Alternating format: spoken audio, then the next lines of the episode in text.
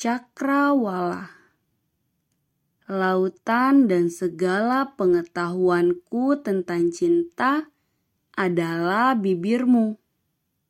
Pantai, stasiun-stasiun, dan semua hal yang mengajari aku menunggangi gelombang, menumpangi kereta, menuju pulau, dan kota-kota yang tersembunyi di dadamu.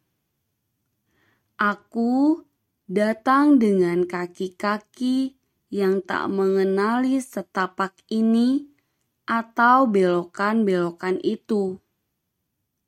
Hanya untuk sampai di ujung jari kakimu dan membaca di dua telapak tanganmu bahwa cinta adalah usaha tenaga, dan sisanya hanyalah jalan-jalan rahasia yang hanya bisa dilalui doa.